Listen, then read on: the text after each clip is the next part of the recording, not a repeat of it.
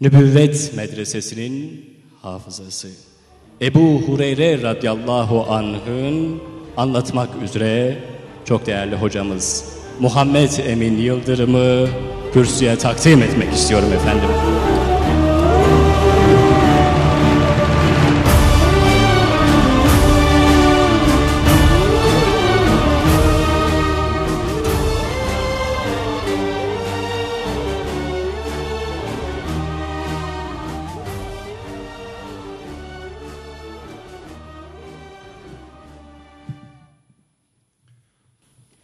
Euzu billahi mineşşeytanirracim.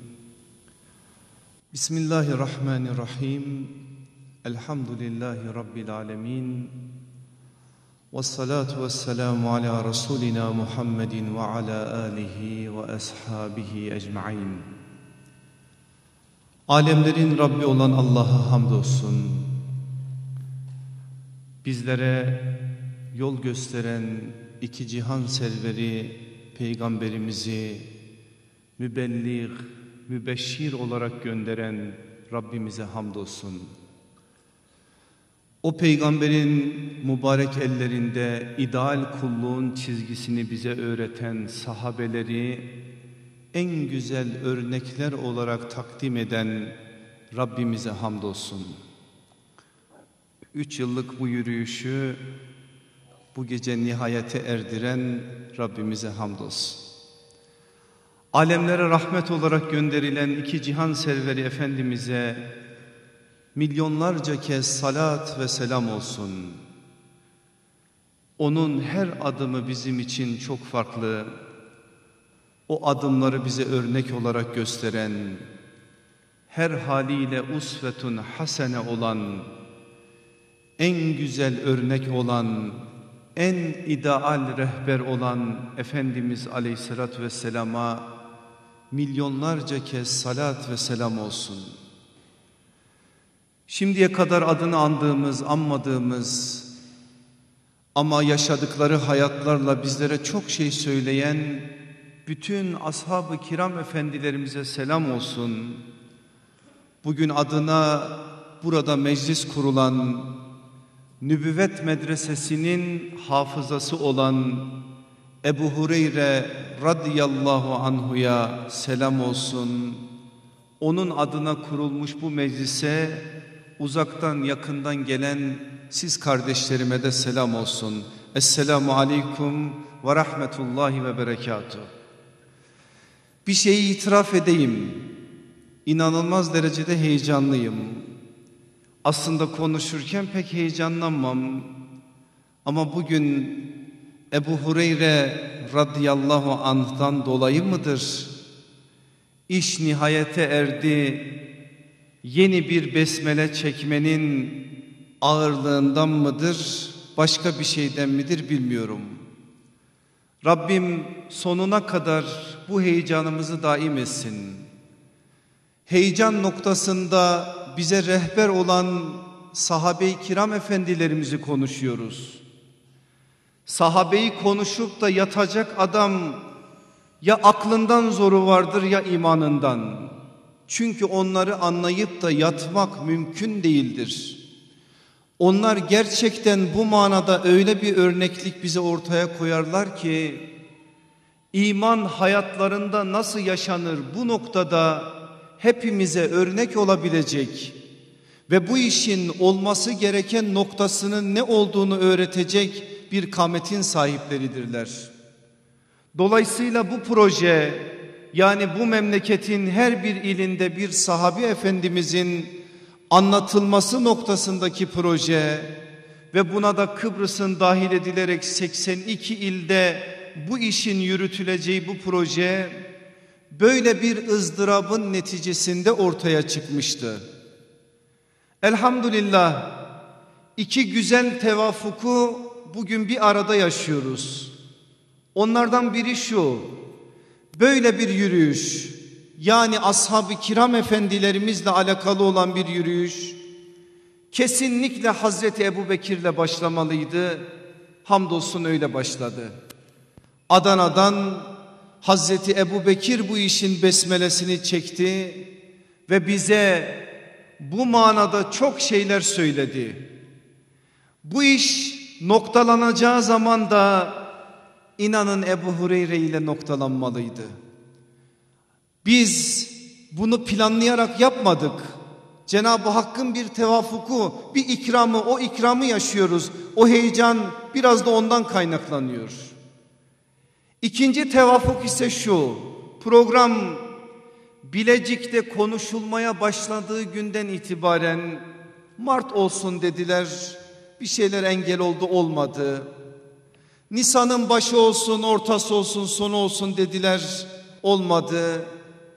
Mayıs'ta olmaz. Öteki döneme kalsın dediler. Olmadı. Ve bu akşam bu iş bu tarihte nihayete erecek. Ben derse hazırlanırken şöyle bir bilgiyi gördüm. Yüreğim yerinden çıkacak gibi oldu. Tevafuk bu olsa gerek işte. Meğer şu günler, şu içinde bulunduğumuz tarih Hazreti Ebu Hureyre'nin hicretin yedinci yılında Hayber'de Allah Resulü aleyhissalatü vesselamla buluştuğu tarihmiş. Meğer böyle bir güzel tevafuku yaşatacakmış Mevla bize. Meğer onun peygambere ulaştığı tarih onun anlatılacağı tarih olacakmış. Allah ondan ebeden razı olsun. Nasıl güzel bir ihlasla yaşamışsa yaşadığı hayatı 14 asır sonra bile halen konuşmaya devam ediyor ve halen attığı adımlarla bize çok şey söylüyor. O büyük insanı nasıl anlatabilirim bilemiyorum. 28 yıllık nübüvvetten önce bir hayatı var. Allah Resulü aleyhissalatü vesselamın mübarek ellerine kendisini attığı zaman 28 yaşında bir delikanlıydı. Sadece peygamber sallallahu aleyhi ve sellemle ömrü 4 yıldır. 4 yıllık peygamberle geçirdiği o bereketli hayatın sonrasından uzunca bir hayat yaşayacak. Tam 46 yıllık bir ömrün sahibi olacak. Yani iman üzere 50 yıllık bir hayatı olacak Ebu Hureyre'nin. Bu 78 yıllık hayat ve bunun 50 yılı nübüvvetin içerisinde, nübüvvetin bahçesinde 4 yılı o pınarın başında 46 yılı da o pınarı o pınardan mahrum olanlara taşıma noktasındaki ızdırabının altında geçecek olan o insanı nasıl anlatabilirim size bir saatte bir buçuk saatte bilemiyorum. Onun için eksik kalacak yönlerinden dolayı şimdiden Ebu Hureyre'nin affına sığınıyorum. Sizler de beni mazur görün. Ancak böyle bir mecliste anlatılabilecek kadarını ben anlatmaya çalışacağım size. Burada sormamız gereken ve gerçekten cevaplamamız gereken çok mühim bir soru var. Sadece peygamberle dört yıl kalacaksın. Ortaya Ebu Hureyre gibi bir kamet bırakıp böyle bir hayatın sahibi olacaksın. Neden ona nasip olan başka bir sahabi efendimize nasip olmadı? Ebu Hureyre ne yaptı ki böyle bir hayatın sahibi oldu? Nübüvvet medresesinin en önemli hafızası, köprüsü, o kilit neslin en önemli ismi, o anahtar kuşağın en mühim ismi olması neyden kaynaklandı? Acaba Ebu Hureyre'nin attığı adımların sebebi neydi ki neticesi bu oldu? Bu soruyu sorduğunuz zaman Hazreti Ebu Hureyre'nin yaşadığı hayat size cevap veriyor. Diyor ki ben beş şeyle Ebu Hureyre oldum. Beş tane temel anahtar şey beni Ebu Hureyre yaptı. Neydi o beş şey? Bir, derin bir sevda.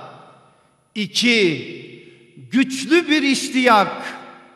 Üç, kuvvetli bir hafıza. Dört, ciddi bir sorumluluk. Beş, büyük bir sadakat. Beş tane cümleyi alt alta yazın. Karşısına da Ebu Hureyre radıyallahu anhu yazın.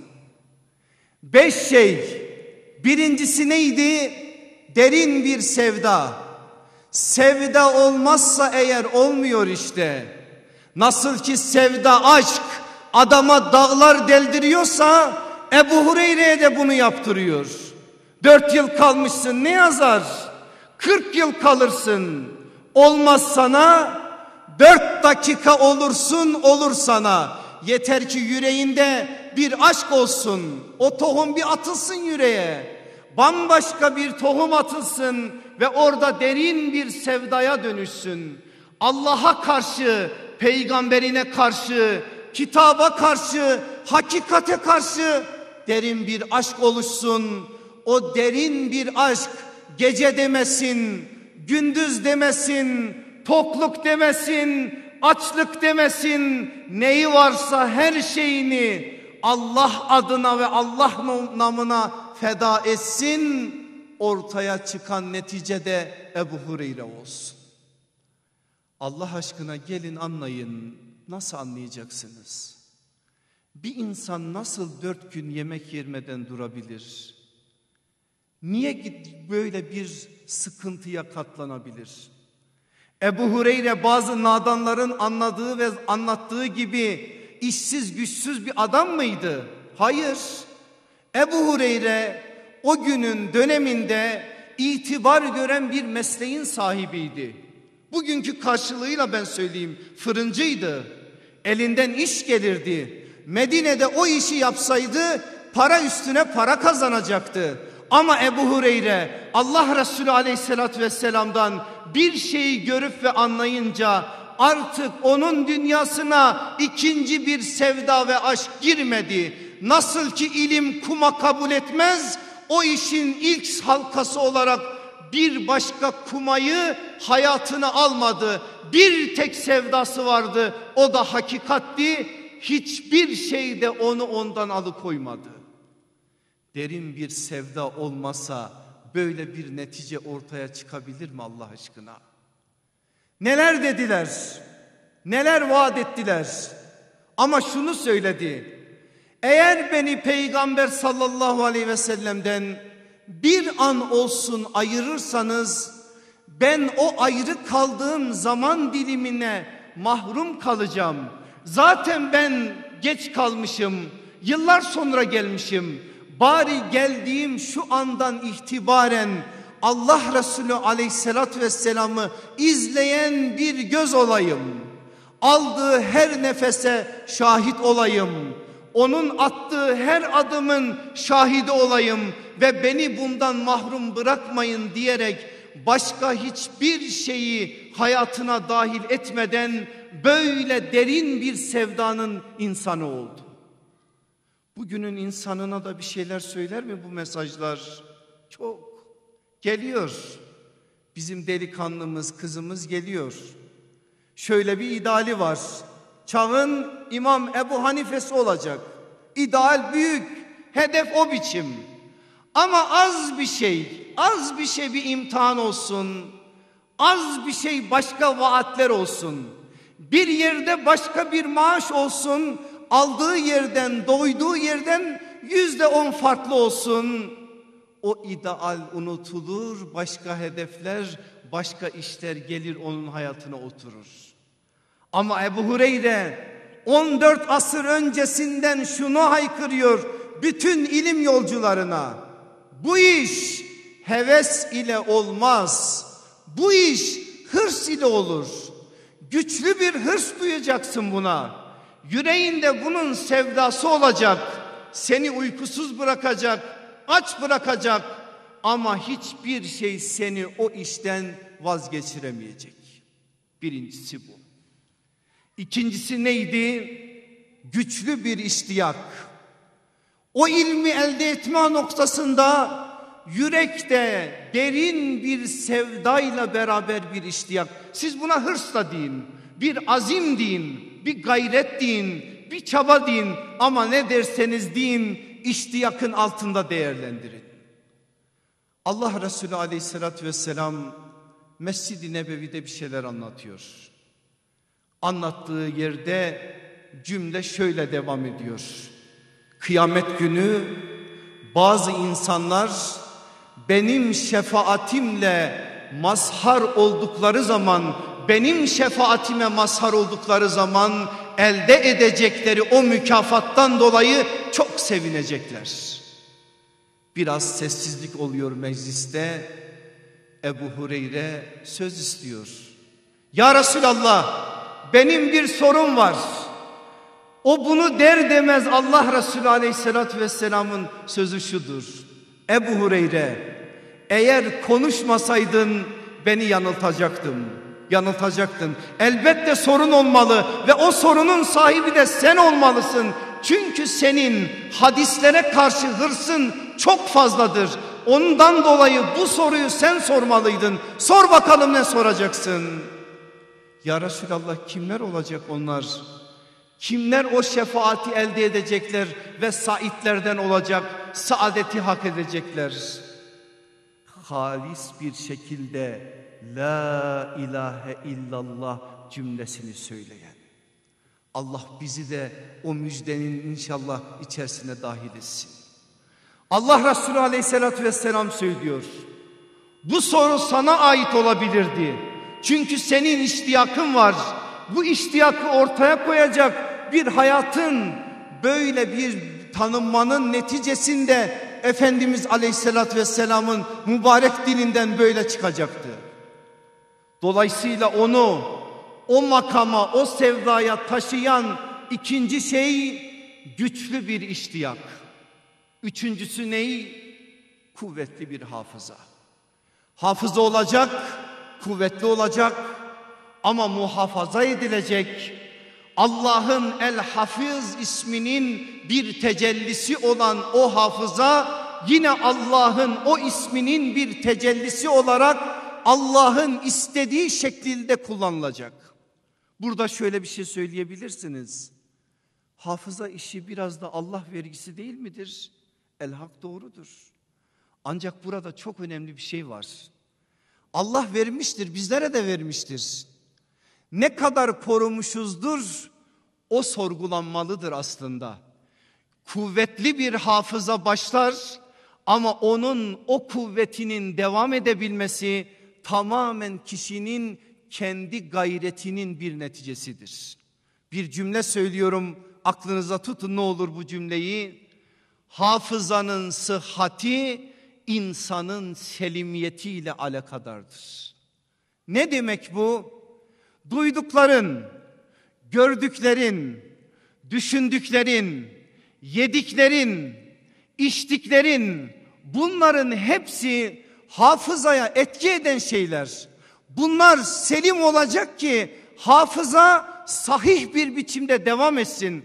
İşte Ebu Hureyre evet kuvvetli bir hafızanın sahibiydi ama o hafızasını koruma adına beşer olarak da elinden geleni yerine getirdi, kirletmedi. Allah'ın kendisine verdiği o emanetleri kirletmediği için de ilk günden son güne kadar hafızası dipdiri oldu ve böylelikle de nübüvvet medresesinin hafızası oldu.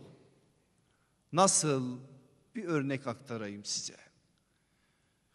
Onun bu hali devam edince insanlar tarafından duyurulunca dönemin valisi Mervan bin Hakem merak ediyor. Gerçekten dedikleri kadar hafızası güçlü mü Ebu Hureyre'nin? Bir katibi perdenin gerisine saklıyor. Ben Ebu Hureyre'yi çağıracağım. Ona bir şeyler soracağım. Onun her söylediğini de sen kaydet. Katibe böyle bir görev verilir. Ebu Hureyre o meclise çağrılır ve sorular sorulur. Sorulan her soru da katip tarafından kayıt altına alınır. Aradan bir yıl gibi bir zaman geçer. Ebu Hureyre'yi bir daha çağırır Mervan bin Hakem. Yine katip arkadadır. Ebu Hureyre'ye sorular sorulur. Aynı sorular ondan cevaplar duyulur. Daha sonra katibe Mervan bin Hakem sorar. Der ki nasıldı cevaplar? elinde yazılı bir kitap vardı. Kıyasladın mı? Neler söyledi? Aynı şeyleri söyledi mi?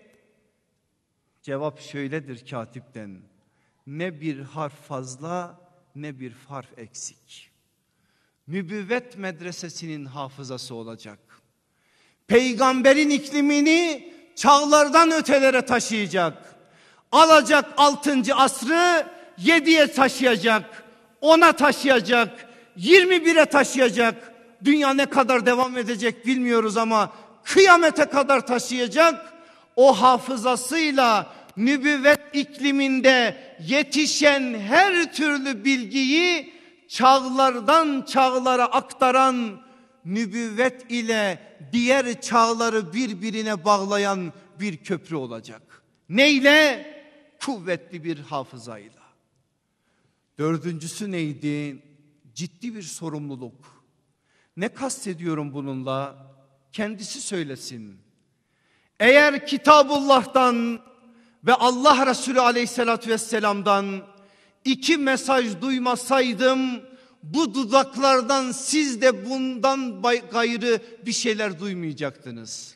Merak edecek, soracak insanlar neydi onlar diye Bakara suresinin 159. ayetini söyleyecek. Kendilerine hakikat verilmiş olanların o hakikati aktarma konusunda hassasiyet içerisinde olmaları gerektiğini söyleyecek. Yoksa Allah'ın ve bütün insanların laneti onun üzerine olacak diye o manadaki sıkıntısını yani hakikati duyurma noktasında aslında yüreğini sıkan o ciddi sorumluluğu söyleyecek. Onun dışında da Allah Resulü aleyhissalatü vesselamın o sözünü aktaracak. O söz ney? Eğer sizde hakikat adına bir şey olur da bunu insanlara ulaştırmazsanız gem vurularak kıyamet gününde Allah'ın huzuruna getirileceksiniz. Ben bu iki tane hakikatten dolayı ciddi bir sorumlulukla Allah Resulü aleyhissalatü vesselam'dan duyduklarımı aktarma adına çırpınıyorum diyecek. Ebu Hureyre'yi Ebu Hureyre yapan dördüncü kamette bu olacak.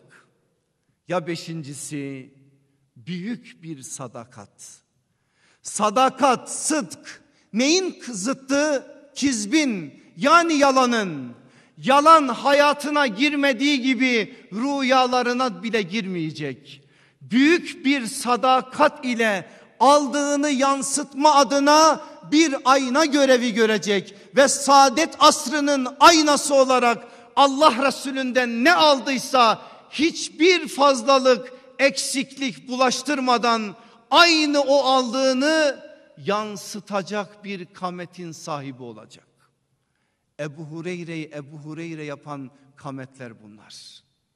Bir soru daha sormak istiyorum benim aziz kardeşlerim.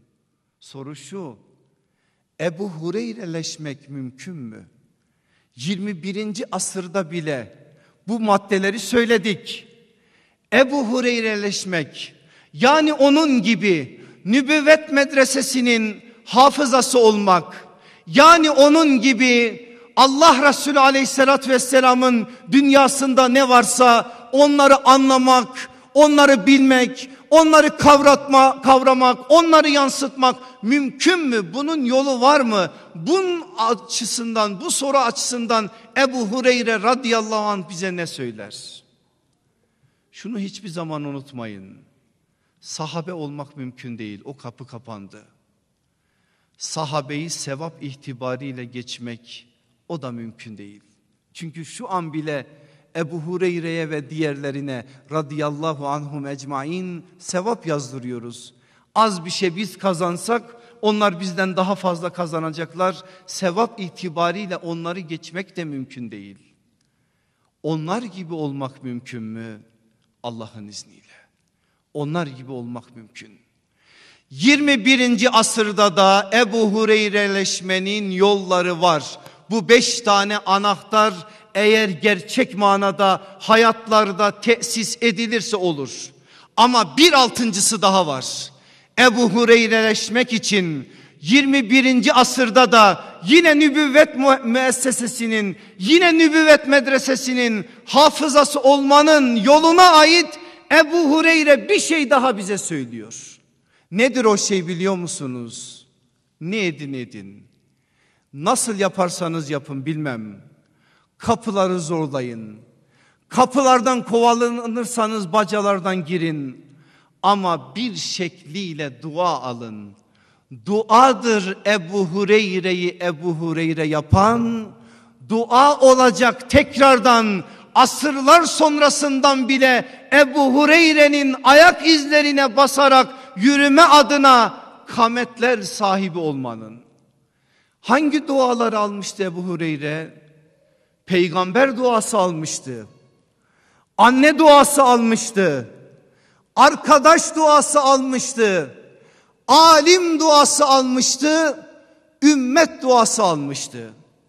Peygamber duası almıştı. Geldi Allah Resulü aleyhissalatü vesselamın yanına. Ya Resulallah dedi. Senden sözler duyuyorum.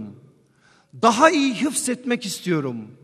Duyduğumda kalmıyorum. Akşam Suffa'da arkadaşlarım yatarken ben o gün ne duymuşsam onların müzakeresini yapıyorum. Ama yine de hafızama güvenmiyorum. Bir bana dua etseniz de Allah hafızama biraz daha güç ve kuvvet verse.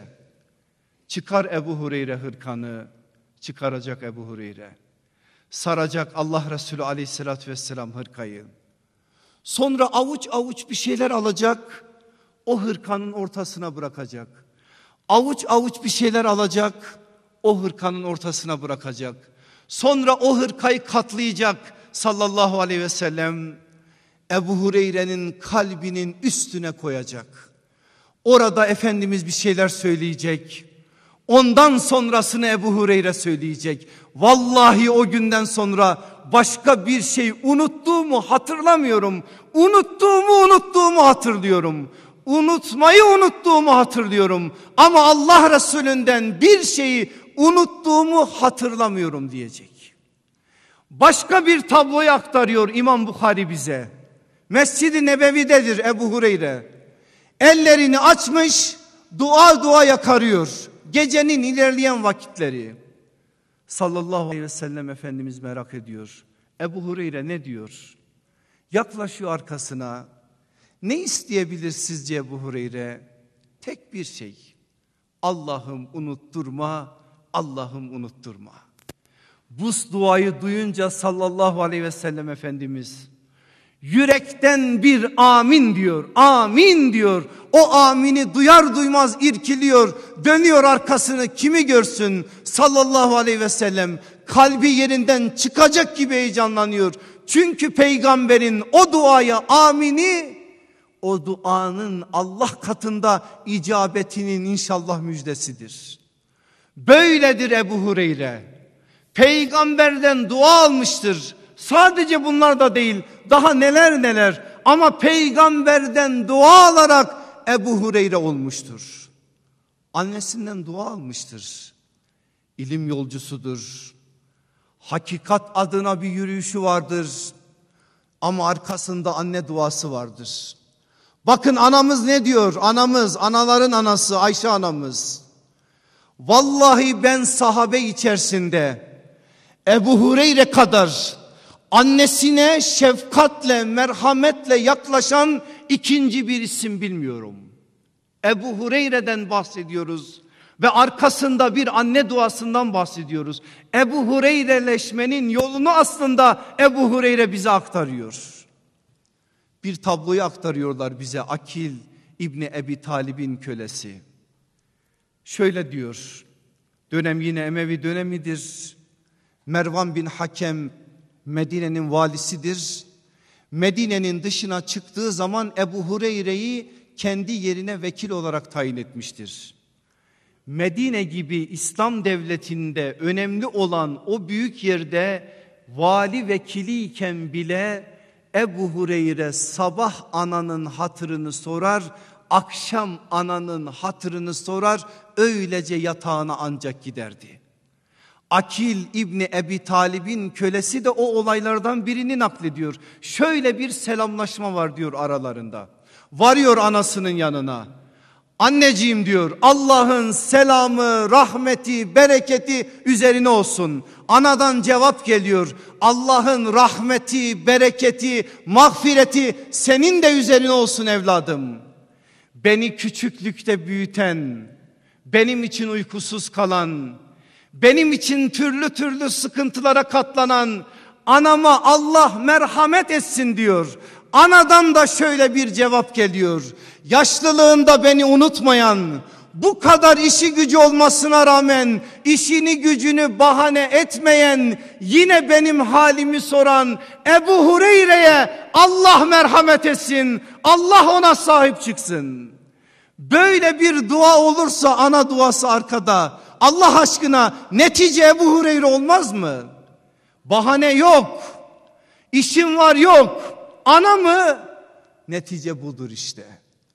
Anne duası var onun arkasında.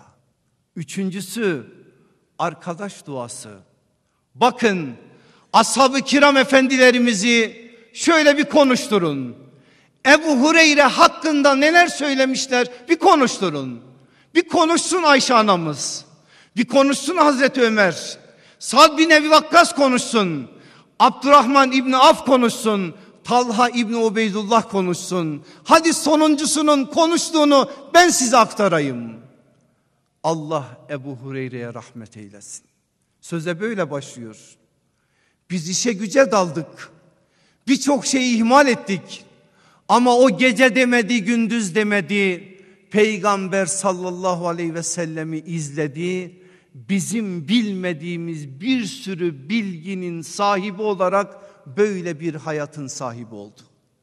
Hangi sahabe efendimizi konuştursanız bunu söyleyecek.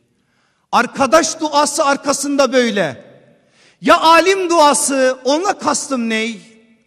En hayırlı nesil sahabe. Ondan sonra gelen hayırlı nesil tabi'in. İki nesil birbirini kuşak kuşağa arka arkaya takip ediyor. Konuşturun tabi'in neslinin ulema dediğimiz o sınıfındaki alimleri. Konuşturun mücahidi, konuşturun katadeyi, konuşturun atayı, konuşturun Sa'd, Said İbni Müseyyebi size hep Ebu Hureyre'yi rahmetle ve minnetle ansınlar. Son ismi söyleyeyim. Said İbni Müseyyep Ebu Hureyre'nin hem talebesi hem damadıdır. Ebu Hureyre kızını Said, Said İbni Müseyyep'e vermiştir. Böyle bir yakınlıktan dolayı da farklı bir bağ oluşmuştur. Konuşuyor Said İbni Müseyyep sözünün önünde arkasında Allah Ebu Hureyre'den razı olsun. Allah Ebu Hureyre'ye rahmet eylesin. Sonra anlatacağını anlatıyor. Ümmetin duası 14 asırdır Ebu, Ebu Hureyre'nin arkasında var mı? Var. Hayat devam ettikçe kıyamete kadar da olacak mı? Olacak. Şimdi benim aziz kardeşlerim Ebu Hureyre aslında aldığı dualarla kendinin yolunun izlenilmesi adına bize bu manada bir şeyler söylüyor. O kapılar o beş tane dua kapısı da kapanmadı. Ümmet de size dua edebilir. Alimler de size dua edebilir. Arkadaşlarınız da size dua edebilir. Anneniz de size dua edebilir. Beşincisini de söylüyorum. Peygamber de size dua edebilir.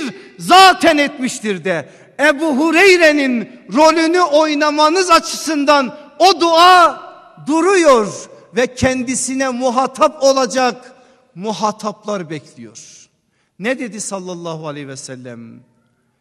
Allah o adamın yüzünü ak etsin. Benden bir söz duyar, beller ve onu başkalarına aktarır. Bu nedir? Peygamber duasıdır. Ebu Hureyre'nin yaptığı da buydu. O kapının kapanmadığının en büyük işareti işte budur. Böyle bir hayatla Ebu Hureyre yeniden kendi yolunu izleyecek bütün ilim talibelerine, talebelerine bu manada da bir şeyler söyler. Rabbim hepimizi duyanlardan etsin. Aziz kardeşlerim, bu kadar ön bilgiden sonra biraz size anlatayım Ebu Hureyre'yi. Az bir şey anlatacağım. Çok anlatmayacağım. Anlatacak çok şey var biliyorum. Ama ben sadece bir miktarını anlatacağım. Ebu Hureyre miladi 600 yılda doğuyor.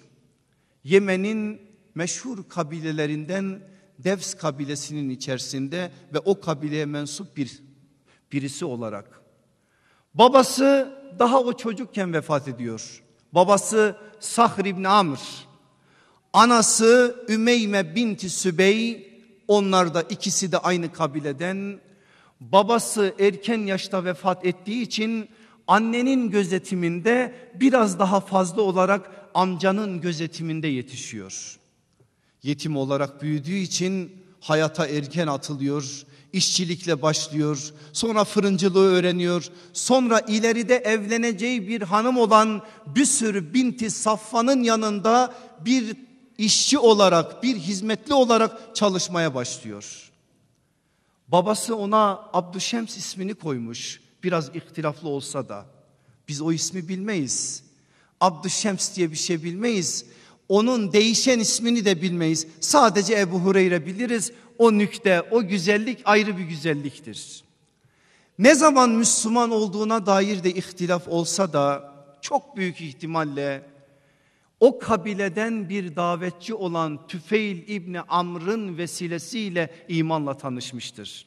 Tüfeil İbni Amr önemli bir isimdir. Allah Resulü aleyhissalatü vesselamın Mekke dönemine şahit, şahit olmuştur.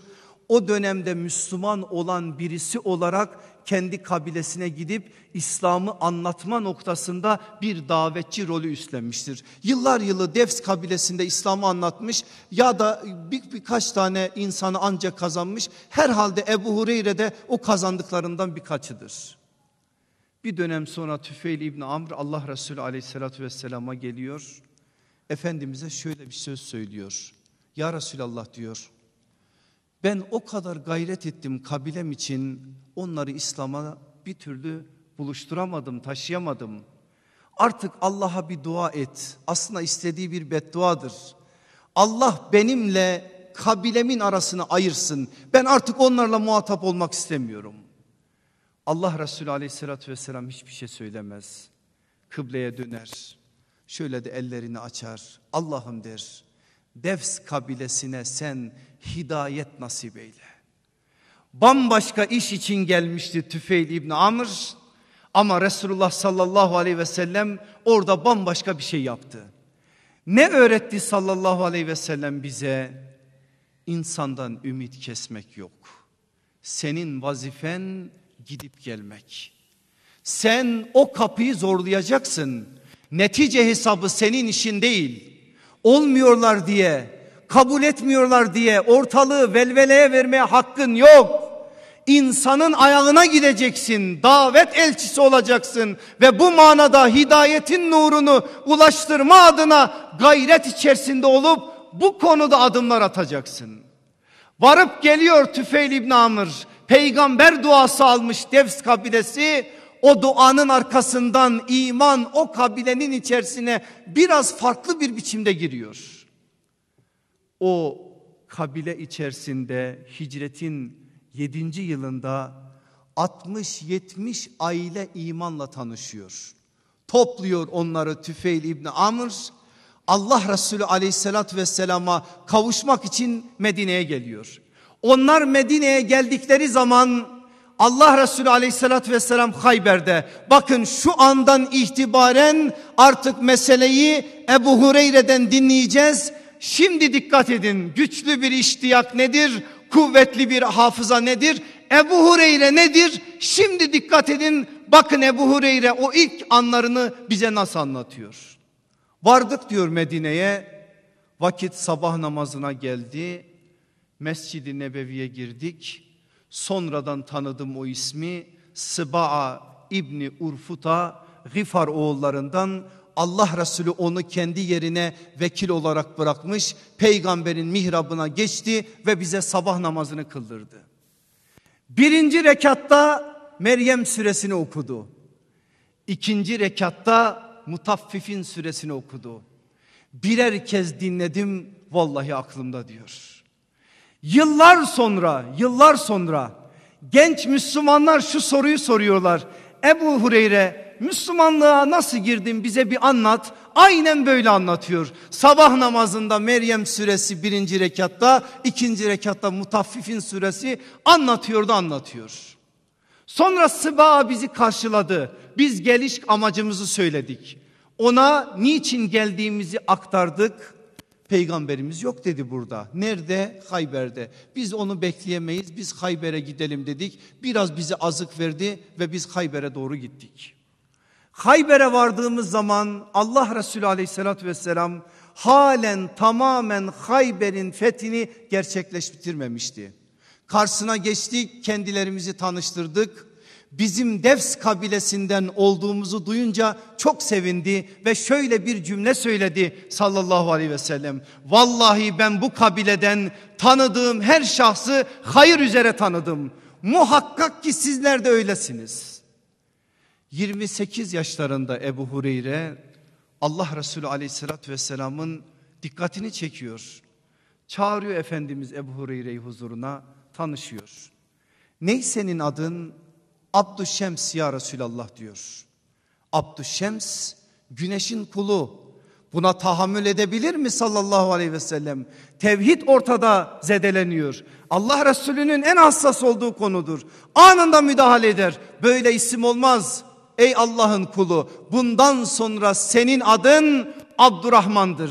Ebu Hureyre'nin karşılığı şudur. Ya Resulallah bundan sonra benim adım Abdurrahman'dır. Sonra kedilerle münasebeti, kedilere karşı olan ilgisi, Allah Resulü aleyhissalatü vesselamın da ilgisini çekince Ebu Hureyre, Eba Hır diyecek ona, kedicik babası diyecek söyleyen peygamber sallallahu aleyhi ve sellem olduğu için o künyeyi alacak ve onu bir şeref nişanesi olarak taşıyacak ve tarih onun Abdüşşems olan ismini de sonradan değişen ismi olan Abdurrahman'ı da unutacak onu Ebu Hureyre olarak tanıyacak. Sallallahu aleyhi ve sellemle o ilk buluşmada böyle bir hatıra yaşayacak.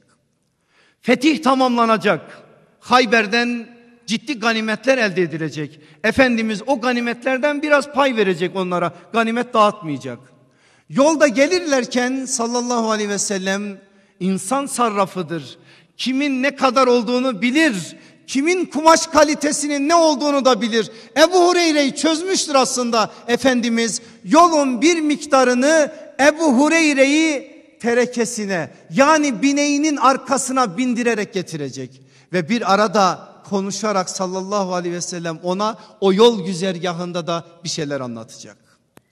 Ebu Hureyre gelecek Medine'ye işi gücü bırakacak, işi gücü bir daha düşünmeyecek, aklına bu manada başka bir şey getirmeyecek, tek işi olacak Suffa Mektebi'nin talebesi olacak, Allah Resulü aleyhissalat vesselama ait ne varsa onları hıfzetme, onları anlama, onları kavrama ve onları duyurma noktasında büyük bir hassasiyetin sahibi olacak. O günden sonra dört yıl boyunca Ebu Hureyre böyledir.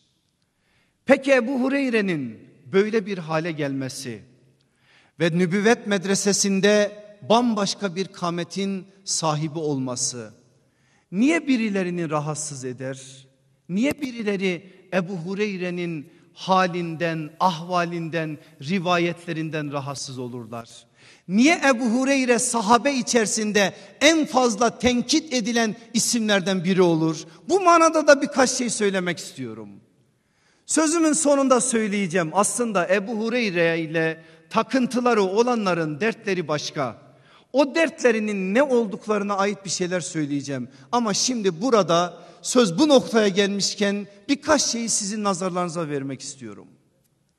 Allah Resulü aleyhissalatü vesselam Kur'an'ın bize tanıttığı bir peygamber olarak tebliğ, davet, tebyin, talim ve teskiye diye görevlerin sahibi olarak Allah tarafından görevlendirildi.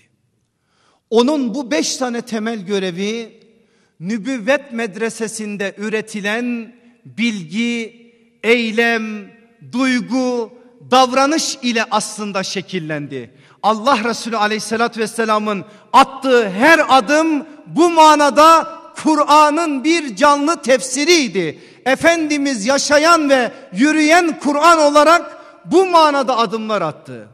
O adımları gören gözlerin sahipleri olarak sahabe dediğimiz o kutlu nesil bize bir şeyler aktardılar.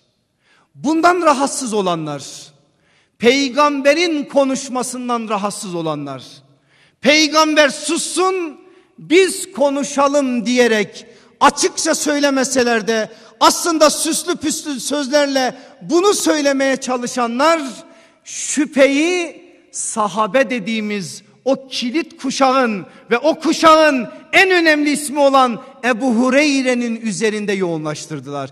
Eğer Ebu Hureyre üzerinde bu manada şüpheler derinleşince nübüvvet ikliminden bize süzülüp gelen her şeye şüphe karışacaktı. Ne dediler?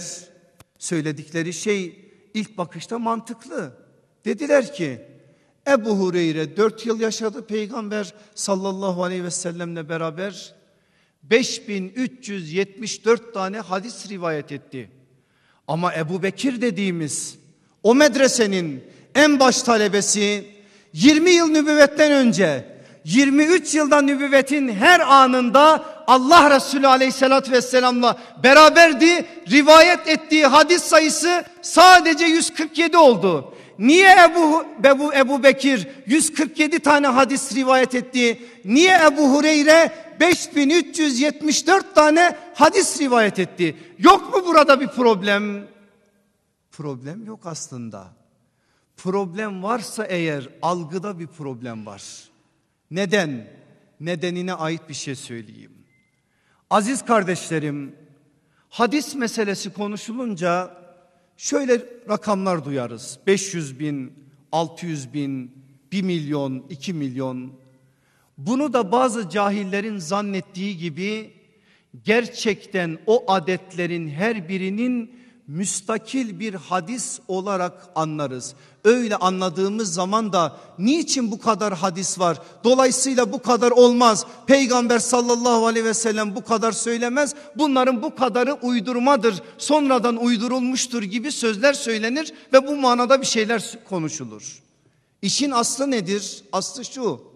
O bir milyon hadis dediğimiz hadis var ya aslında 200 bin, 250 bin rivayetten oluşur. Ama hadis alimleri o kadar ciddidir ve titizdir ki her bir rivayeti ravi değişir, bir kelime değişir, takdim tehir olur, bir şey olur. Onu bir rivayet olarak sayarlar. Adet bundan dolayı çoğalır. Bakın 5374 tane hadis diyoruz Ebu Hureyre'nin. Aslında tekrarları çıktığınız zaman Ebu Hureyre'nin rivayet ettiği hadis sayısı tekrarsız 1579 tanedir. 1579 tane hadis rivayet etmiştir başımızın tacı olan Ebu Hureyre. Ama bu bilgiyi bilmezseniz milyonlar havada uçuşursa ve birileri bunu mübalağalı bir biçimde anlatırsa bize yanlış noktalara bizler de kayabiliriz Allah korusun. Gelelim diğer soruya. Niye Ebu Bekir 23 yıl yaşamasına rağmen bu kadar az rivayeti var? Niye Ebu Hureyre 4 yıl yaşamasına rağmen bu kadar çok rivayeti var? Soruya cevap vereceğim ama öncesinde bir bilgi daha vereyim size. Bugün adını bildiğimiz sahabi sayısı kaçtır? Yaklaşık 10 bin. 10 bin sahabi içerisinde hadis rivayet eden sahabi sayısı kaçtır?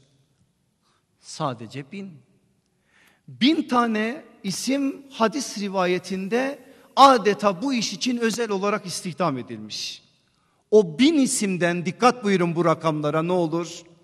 900 sahabi efendimiz 1 ile 9 arasında hadis rivayet etmiştir.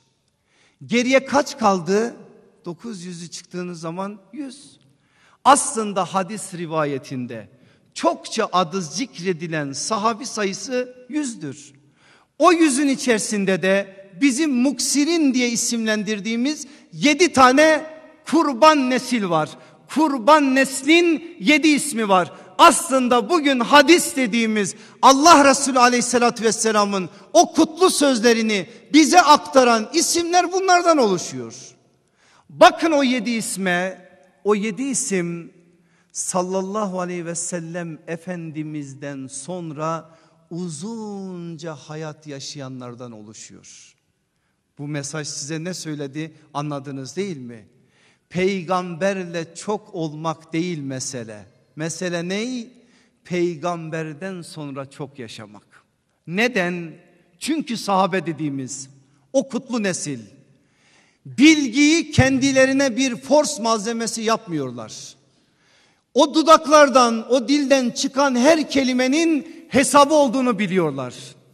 Bundan dolayı da onlara peygamber sallallahu aleyhi ve selleme ait bir hadis sorulduğu zaman birbirlerinin gözüne bakıyorlar. Biri söylese de iş bizim üstümüzden kalksa diyorlar.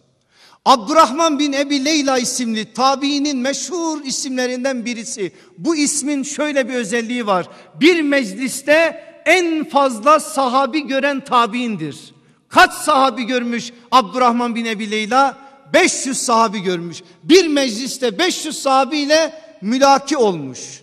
Anlattığı bir olayı size nakledeyim. 500 sahabiyle bir arada bulundum. Onlara peygamberden bir söz sorulduğu zaman şöyle birbirlerinin gözlerine bakıyorlar. Soru bir daha soruluyor. Birbirlerine havale ediyorlar. Bir daha soruluyor. Soruyu soran diyor ki ey Allah Resulünün ashabı size bir soru soruyorum. Bu soruya ait bir bilgi var mı peygamberin dünyasında? Birbirlerinin gözlerine bakıyorlar. Sonra biri kalkıyor. Varsa eğer gömleği gömleğinin düğmelerini çözüyor. Şöyle alnından ter akıya akarak Kale Resulullah sallallahu aleyhi ve sellem diyor.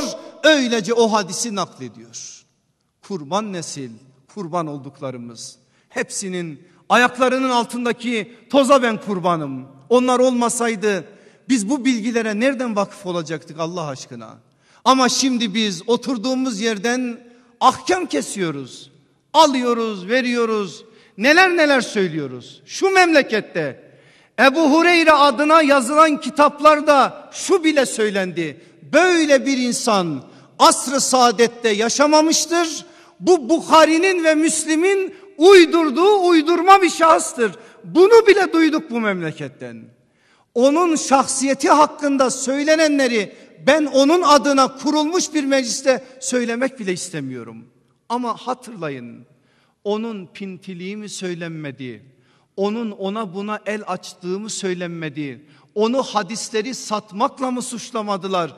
Onu haşa yalancılıkla mı suçlamadılar? Neler neler. Vallahi ben o sözleri söyleyenlere onların adına ben korkuyorum. Yarın mahşer günü kıyamette Ebu Hureyre ile yüz yüze nasıl gelecekler?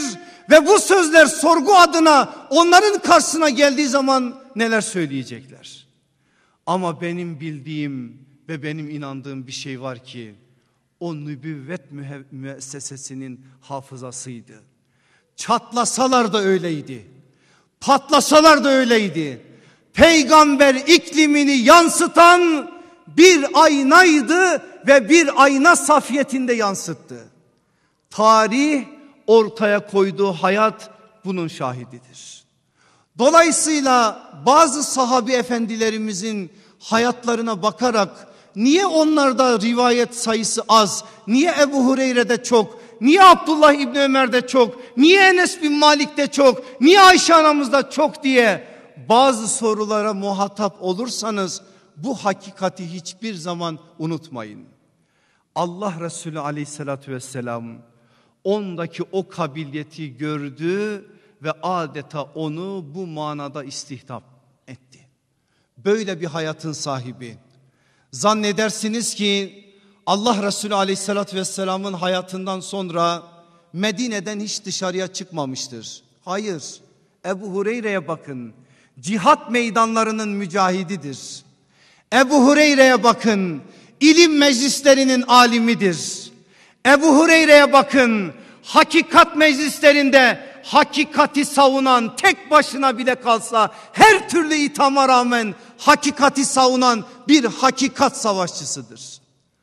Sahabe zamanında da tenkit edildi. Çok rivayet ediyor diye. Sahabenin sahabeye tenkidi önemli bir şey. O bilgiler bize meselelerin anlaşılması noktasında çok önemli mesajlar verecek. Dediler Ebu Hureyre biz de peygamberi gördük. Sen bu sözleri nereden duydun? Cevap Ebu Hureyre'den şöyledir. Evet siz de gördünüz ama Allah görenlerin hepsine rahmet eylesin.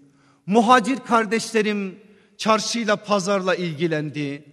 Ensar kardeşlerim tarlayla bahçeyle ilgilendi. Ama şu Allah'ın fakir kulu şu Ebu Hureyre günlerce aç kalma pahasına peygamberi izleyen gözlerin sahibi oldu. Onun için ben duydum gördüm ve ben şahit oldum. Aynı sözleri Talha İbni Ubeydullah da başka bir şekliyle tasdik edecek. Bir söz söylüyor. Diyor ki ben sallallahu aleyhi ve sellem'den şöyle bir söz duydum. Ayşe anamız biraz gadaplanıyor. Çağırın diyor Ebu Hureyre'yi bana. Ebu Hureyre geliyor. Ebu Hureyre diyor sen böyle bir söz duyduğunu söylüyorsun. Ben duymadım diyor. Ben Allah Resulü ile o kadar yakındım ben duymadım diyor. Tebessüm ediyor Ebu Hureyre şöyle bir söz söylüyor. Anacığım diyor beni meşgul eden ne elimde bir ayna ne gözüme çektiğim bir sürme vardı. Benim işim gücüm peygamberi izlemekti. Ayşe anamız da tebessüm ediyor bu söze. Bakın orada aslında Ayşe annemizin o tavrı Hazreti Ebu Hureyre'nin bu manadaki adımlarına bir tasdiktir. O da onu böylelikle tasdik ediyor. Başımızın tacı olan o Ebu Hureyre eğer o adımları olmasaydı Allah aşkına bugün onlarca meseleyi biz inanın ki bilmeyecektik. Onlarca mesele halen araştırmayı bekliyor. Ben içinizde ilim talibeleri, talebeleri olduğu için biraz iştahlandırmak istiyorum onları. Sadece hadis nakli değil. Bakın çok önemli bir şey söyleyeceğim. Bugün fıkıh alanının birçok önemli meselesinde meselenin özünü biz Hazreti Ebu Hureyre'nin Allah Resulü aleyhissalatü vesselama sorduğu sorular üzerinden tespit edebiliyor ve bulabiliyoruz. İlim talibelerini bekliyor, talebelerini bekliyor şu iş. Peygambere sorulan sorular Ebu Hureyre neler sormuş? Mesela bir tek örnek vereyim. Bir namaz kılıyor Efendimiz sallallahu aleyhi ve sellem. Ebu Hureyre izleyen bir göz sahibi. Bakıyor ki Efendimiz iftitah tekbirini aldıktan sonra bir şeyler okudu. Biraz uzun okudu. Biraz daha okudu.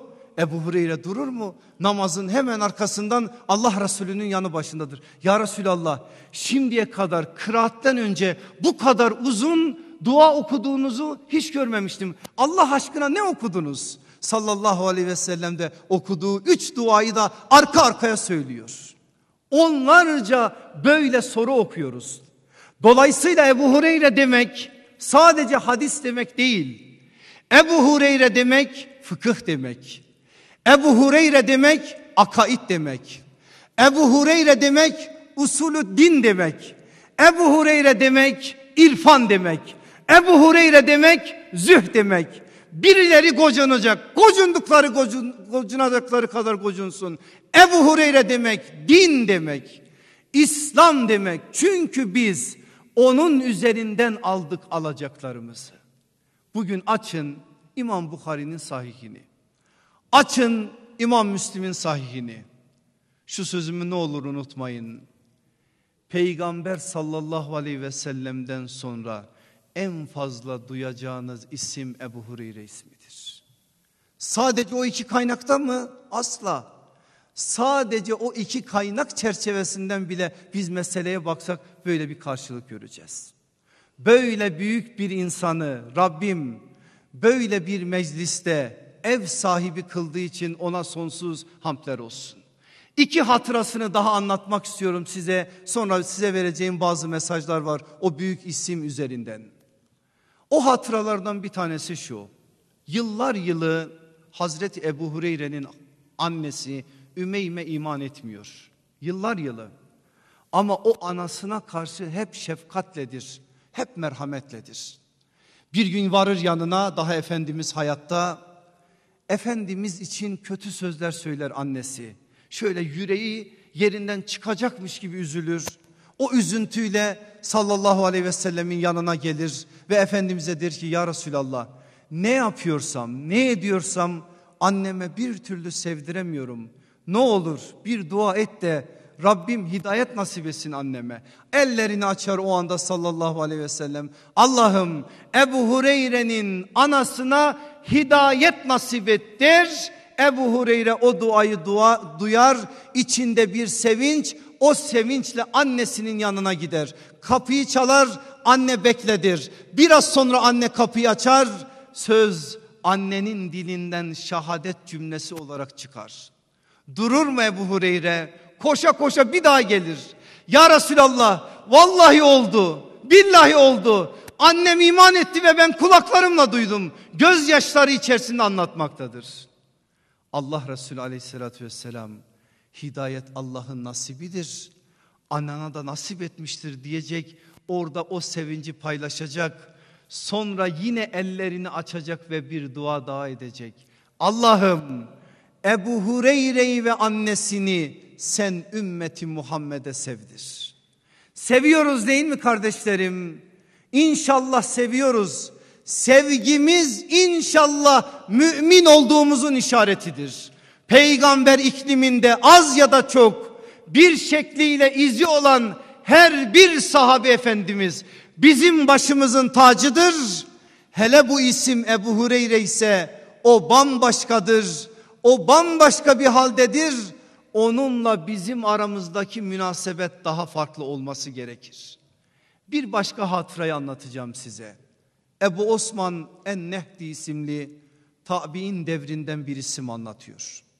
Çok gidip geliyorum diyor Ebu Hureyre'nin evine.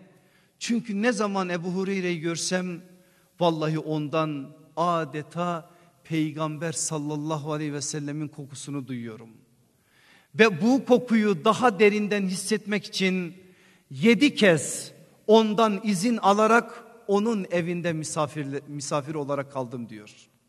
Kaldım ve bir olaya şahit oldum. Nedir o olay? Olay şu.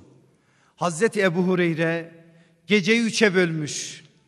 Üçte birin ilk kısmında kendi kalkıyor. Rabbi ile münasebetini güçlü tutma adına ilim adamıdır. Böyle bir kametin sahibidir. Kendisi ibadetlerini yatıp yapıp yatmaya karar verdiği zaman hanımını uyandırıyor. Hanımı kalkıyor, ibadetini ediyor.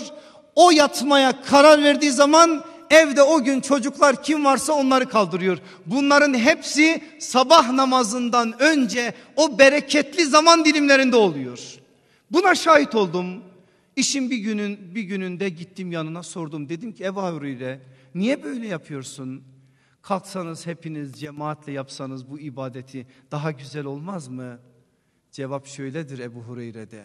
İstiyorum ki evimizden hiç ibadet eden eksilmesin. Ben bitireyim hanım başlasın. Hanım bitirsin çocuk başlasın. Ev hep ibadet halinde olsun. Ebu Hureyre kameti bu. Çağlar öncesinden bir Müslüman evinin nasıl olması gerektiği konusunda da çok önemli bir mesaj veren bir büyük kametin verdiği güzel bir nasihattır işte bu. Rabbim hepimizi duyanlardan etsin inşallah. Aziz kardeşlerim onun hayatı üzerinden bazı mesajlar paylaşacağım sizlere. Ve bazı mesajların arkasından belli notlarım da var. O notları da söyleyeceğim. Çünkü final programı son program biraz uza, uzasa da bir şey olmaz. Bu hakikatlerin hepsini bu son program vesilesiyle duymak durumundayız. Beş tane önemli şey söyledim. Ebu Hureyre'yi Ebu Hureyre kılan. Neydi bunlar? Derin bir sevda, güçlü bir iştiyak, kuvvetli bir hafıza, ciddi bir sorumluluk, sağlam bir sadakat. Mesajlarımı da bunların üzerinden vereceğim inşallah sizlere. Bir, İslam'a ve onun değerlerine derin bir sevda ile bağlanmalı. Kalbin, ruhun, aklın hep bu dava ile meşgul olmalı. Sevdiğin değerler uğruna fedakarlıklar yapmalısın ki gerçek manada sevda kahramanı olabilesin. Allah bizi de onlardan kılsın inşallah. İslam'a ve onun değerlerine derin bir sevda ile bağlanmalı. Kalbin, ruhun, aklın hep bu dava ile meşgul olmalı. Kalkacaksın İslam, oturacaksın İslam, yatacaksın İslam. Ümmetin hali yüreğini parçalayacak. Böyle bir derdin olacak. Böyle bir derdi olan başkasına dert olmaz. Bakın ne olur buna dikkat edin sözüme. Böyle bir derdi olan başkasına dert olmaz. Bilakis ortada var olan dertleri çözer. Bugün ümmet bu haldeyse aklı fikri İslam'la dolup taşmayan dert sahibi insanların mahrumiyetindendir. Ama Ebu Hureyre bize bunu öğretti. Dertsiz olmaz, sevdasız olmaz. Derinleştireceksin ki bu manada belli şeyleri yapabilesin. Onun için sevdiğin değerler uğruna fedakarlıklar yapmalısın ki gerçek manada sevda kahramanı olabilesin. İki, ilme ve belirlediğin hedeflere güçlü bir iştiyak duymalı. Heves ile hırsı birbirinden ayırmalı. Bu dikenli yolda hiçbir engele ve bahaneye takılmamalısın ki gerçek manada ilim yolcusu olabilesin. Allah bizi o gerçek manada ilim yolcularından kılsın. İlme ve belirlediğin hedeflere güçlü bir iştiyak duymalı. Heves ile hırsı birbirinden ayırmalı. Bu dikenli yolda hiçbir engele ve bahaneye takılmamalısın ki gerçek manada ilim yolcusu olabilesin. 3. El hafız olan Rabbinin sana emanet verdiği hafızana sahip çıkmalı. Onu günahlarla kirletmemeli. Boş şeylerle zedelememeli. Faydasız ilimlerden Allah'a sığınmalısın ki gerçek manada hakikatin muhafızı olabilesin. Bunu da tekrar edeyim. El hafız olan Rabbinin sana emanet verdiği hafızana sahip çıkmalı. Onu günahlarla kirletmemeli. Boş şeylerle zedelememeli. Faydasız ilimlerden Allah'a sığınmalısın ki gerçek manada hakikatin muhafız olabilesin. Niye aklımızda tutamıyoruz bazı şeyleri? E şu göz akşama kadar günah görüyor. Şu kulak akşama kadar günah işitiyor. Yediklerimiz, içtiklerimizi hiç konuşmayalım. İçtiğimiz su bile su değil. Böyle bir zeminde hafızadan bahsedilebilir mi Allah aşkına? Öyleyse en azından bizim takatimizin kaldıracağı ve bizim gücümüzün nispetinde olan şeyler. Şu iş, içtiklerimiz, yediklerimiz, duyduklarımız, gördüklerimiz, konuştuklarımız hududullahın dairesi içerisinde olsun. Yani Allah'ın sınırlarını çizdiği o daire içerisinde olsun ki en azından hafızamız el hafız olan Allah'ın istediği gibi işlesin inşallah. Dördüncüsü ciddi bir sorumluluk şuuru ile hakkın hatırını her daim ali tutmalı. Hakikatleri onlara yakışır bir tarzda yansıtmalı. Ne takdire ne tenkide takılmamalısın ki gerçek manada mücadele insanı olabilesin. Ah bir olabilsek. Bir gerçekten bu söylenen söylendiği kadar güzel yaşanabilse yani rahat yaşanabilse zor. Ama hakikatin temsilcisi olmak da zor. Bunu göze alıyorsak eğer hakkın hatırı alidir. Hiçbir hatıra feda edilmez. Küsecekmiş ne yapayım? Darılacakmış, kızacakmış ne yapayım? Allah küsmesin. Allah bana kızmasın. Beşeri ben memnun etmeye çalışsam ne yaparsam yapayım. Önden gitsem, arkadan gitsem, yandan gitsem, sol, soldan gitsem, sağdan gitsem. Üç tanesini memnun etsem beş tanesi memnun olmayacak. Öyleyse eğer Allah memnun olsun. Önceliğimiz bu olsun.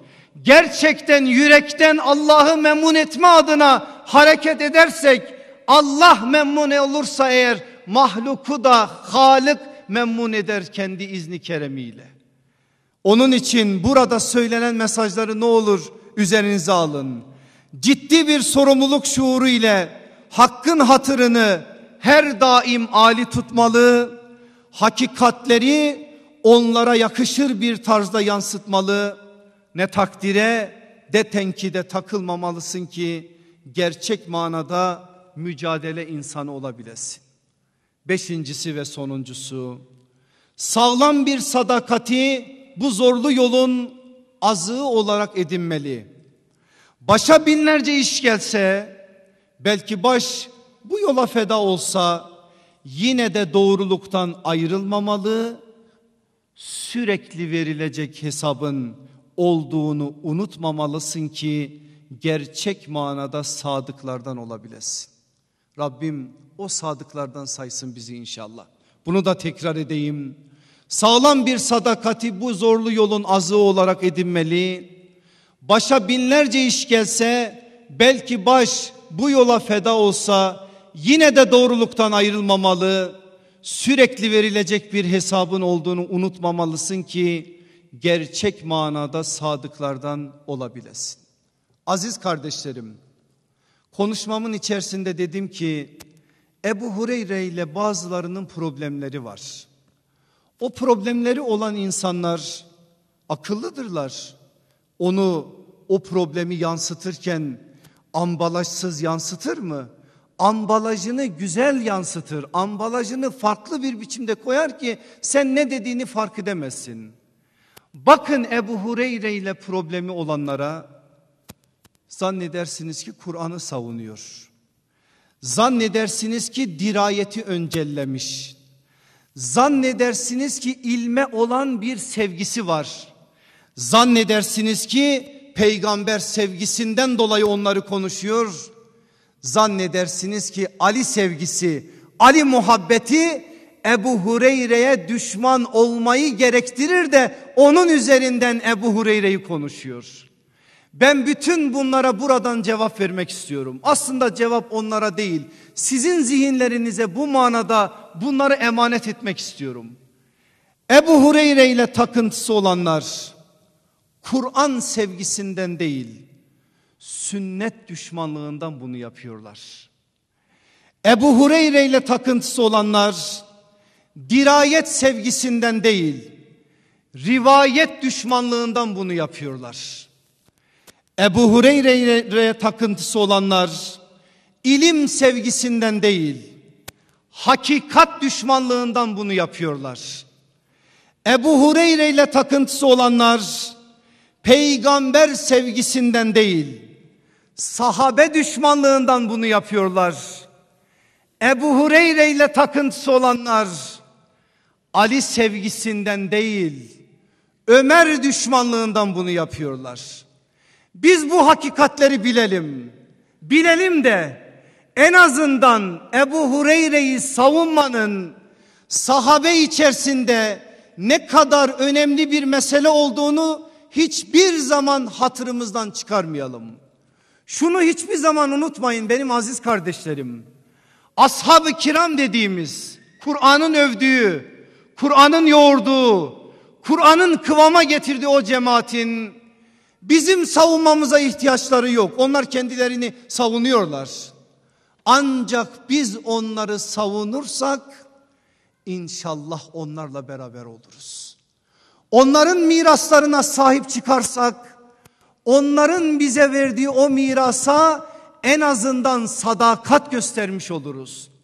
Peygamberin mirasına sahip çıkmak namusumuza sahip çıkmaktan daha önceliklidir. Öyle olmalıdır.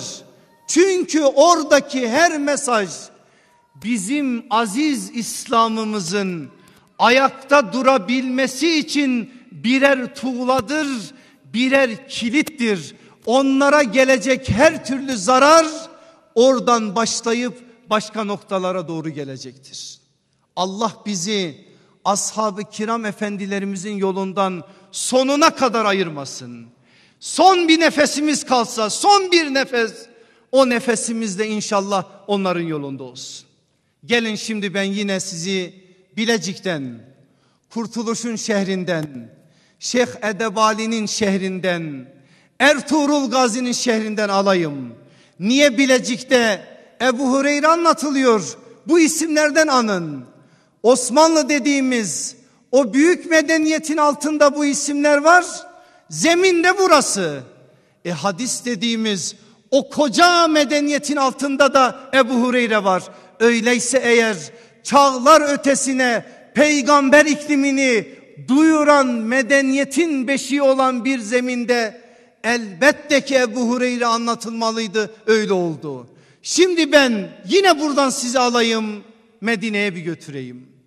Tarihler Hicri 58 miladi 678 yatakta pirifani 78 yaşında artık son demleri. Arkadaşları yanına geliyorlar. Ağlamaya başlıyor Ebu Hureyre. Ağlayınca tabiinden biri şöyle bir şey söylüyor. Ne o diyor Ebu Hureyre? Ölüm korkusu mu? Nedir bu gözyaşları? Sen değil miydin vuslat aşkıyla yanıp tutuşan? İşte Allah seni katına alacak. Niye bu gözyaşları? Söylediği sözü aynen size okuyorum. Vallahi ben ne dünyadan ayrıldığım için ne ölüm korkusuna kapıldığım için ağlıyorum. Beni ağlatan şudur. Çıkacağım yolculuk uzun ama benim azığım azdır. Bu yolculuk neticesinde cennete mi gireceğim, cehenneme mi bunu da bilmiyorum. Bu akibet korkusu yüreğimi dağlıyor. Dağlıyor da onun için ağlıyorum. Sen eğer bunu söylüyorsan yanmışız ki biz yanmışız. Eğer sen bile giderken böyle bir akıbet korkusu yüreğinde taşıyorsan, taşıyorsan Allah bizlere merhamet etsin. O korkuyu bizim de korkumuz kılsın. Yüreğimizde bundan başka ne varsa korku adına hepsini söküp atsın. Tek bu akıbet korkusunu bizim korkumuz kılsın. Medine'nin o günleri şöyle bir bakıyor. Hayatının son demleridir. Diyor ki insanlar çarşıya pazara dalmış. Dünyaya dalmışlar. Ahiret unutulmuş. Yüksekse bir yere çıkıyor Ebu Hureyre. Şöyle bir gür sedayla şöyle haykırıyor. Ey Medine'nin tüccarları, esnafları, ey pazarda ticaret yapanlar. Kar için uğraşıyorsunuz. Ticaret yapmak için uğraşıyorsunuz. Ama bilmiyorsunuz ne kaybettiğinizi. Peygamberin mirası mescitte dağıtılıyor. O miras dağıtılırken siz ondan mahrumsunuz. Ticaret yapanlar ellerinde ne varsa bırakıyorlar. Peygamberin mescidine doğru koşuyorlar. Giriyorlar mescide. Bakıyorlar ki bir şey yok. Onlar miras deyince başka şeyler anlıyor. Ama birkaç halka oturmuşlar Kur'an'la meşgul oluyor. Bir halka hadisle meşgul oluyor. Bir halka dua ediyor. Ebu Hureyre'ye kızarak dışarıya çıkıyor, çıkıyorlar. Bizi kandırdın diyorlar. Ebu Hureyre'nin sözü şu oluyor. Vallahi kandırmadım. Unuttunuz mu? Peygamber sallallahu aleyhi ve sellemin dediği sözü. Biz peygamberler topluluğu ne bir dinar ne bir dirhem miras bırakırız. Bizim bıraktığımız miras sadece ilimdir. İlim dağıtılıyor peygamberin mescidinden. O ilimden nasibinizi alın. Bakın o ilimden nasibimiz olsun diye bir hadis aktaracağım. Onun aktardığı bir hadisi. Madem Ebu Hureyre bir hadisle bu iş nihayete ermeli. Allah Resulü aleyhissalatü vesselam söylüyor. Nübüvvet medresesinin hafızası bize yansıtıyor. Buyuruyor ki Efendimiz aleyhissalatü vesselam. Haramlardan sakın ki insanlar içerisinde iyi kul olasın. Allah'ın senin için takdir ettiğine razı ol ki insanların en zengini olasın. Komşuna iyi davran ki gerçek manada mümin olasın. Kendin için sevdiğini insanlar içinde sev ki hakiki manada Müslüman olasın. Fazla gülme, çok şakalaşma ki kalbini öldürmeyip mürüvvet sahibi olasın. Tirmizi'nin zühd babının iki numaralı hadisi. Aktardığı 5374 rivayetten sadece bir tanesi. Aziz kardeşlerim, üç seneyi biraz aşkın bir zaman. Allah Resulü Aleyhisselatü Vesselam'ın o kutlu ashabını bu memleketin her ilinde ah keşke takatim olsa keşke takatleriniz olsa il ne ki her ilçesinde her köyünde her mescidinde Peygamber sallallahu aleyhi ve sellemin ashabı anlatılsa. Bu aciz kardeşinizin elinden gelen buydu bunu yapmaya çalıştı. Başından sonuna kadar hep şunu söyledim. Konuşan ben olsam da onları aktarmaya çalıştım. Eğer bir hata varsa kesinlikle benim. Eğer bir güzellik varsa ki var kesinlikle onların. Öyleyse eğer yol ashabın yoludur ve o yol kurtuluş yoludur. Ashabın yolu peygamber yoludur. Ashabın yolu Rabbani yoldur. Ashabın yolu muvahhidlerin yoludur. Ashabın yolu mücahitlerin yoludur. Ashabın yolu Müslüman ve müminlerin yoludur. O yolu yol olarak edinelim. Allah bana da edindirsin sizlere de. Son bir nefes kalsa da en son nefeste yine onlar adına bir güzelliği ortaya koyma noktasında bir gayretle olsun inşallah. Ben işin görünen yüzüyüm. Ağzım laf yapıyor diye bu kürsüyü işgal ediyorum.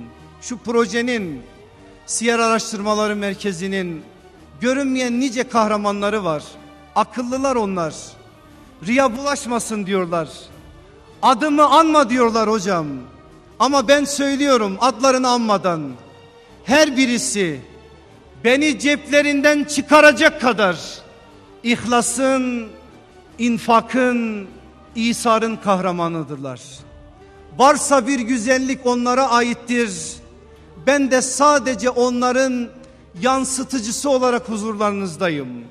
Ne olur gelin bu yolu yol olarak edinelim ve Kur'an'ın yolu olarak yolu olarak Kur'an cemaatinin yaşayarak yaşayan ayetler olma noktasında hayata koydukları örnek olarak model olarak hayatta istihdam ettikleri bu güzelliklerin talipleri olalım. Vallahi hayat geçecek, bitecek. Şu ana kadar geçti bundan sonra da gidecek. Başkaları yatağa başını koydukları zaman yarın kazanacakları parayı düşünsünler. Ama gelin bir avuç insan bu ümmeti düşünelim. Bir avuç insan bu İslam'ı kendimize dert edinelim. Ebu Hureyre gibi aç kalma pahasına, evsiz kalma pahasına, işsiz kalma pahasına sadece İslam, illa İslam diyelim. İslam'la yatıp İslam'la kalkalım. Derdimiz sadece o olsun ki akıbetimiz hayır olsun. Allah akıbetimizi hayretsin. Rabbim daha güzel yürüyüşlerde, daha güzel projelerde, daha güzel hizmetlerde bizleri buluştursun. Şu ana kadar söylenenleri hayatımıza aktarsın. Hayatımızı da bu hakikatler uğrunda sonlandırsın. Hepinizi Allah'a emanet ediyorum. Esselamu Aleyküm ve Rahmetullahi ve Berekatuhu.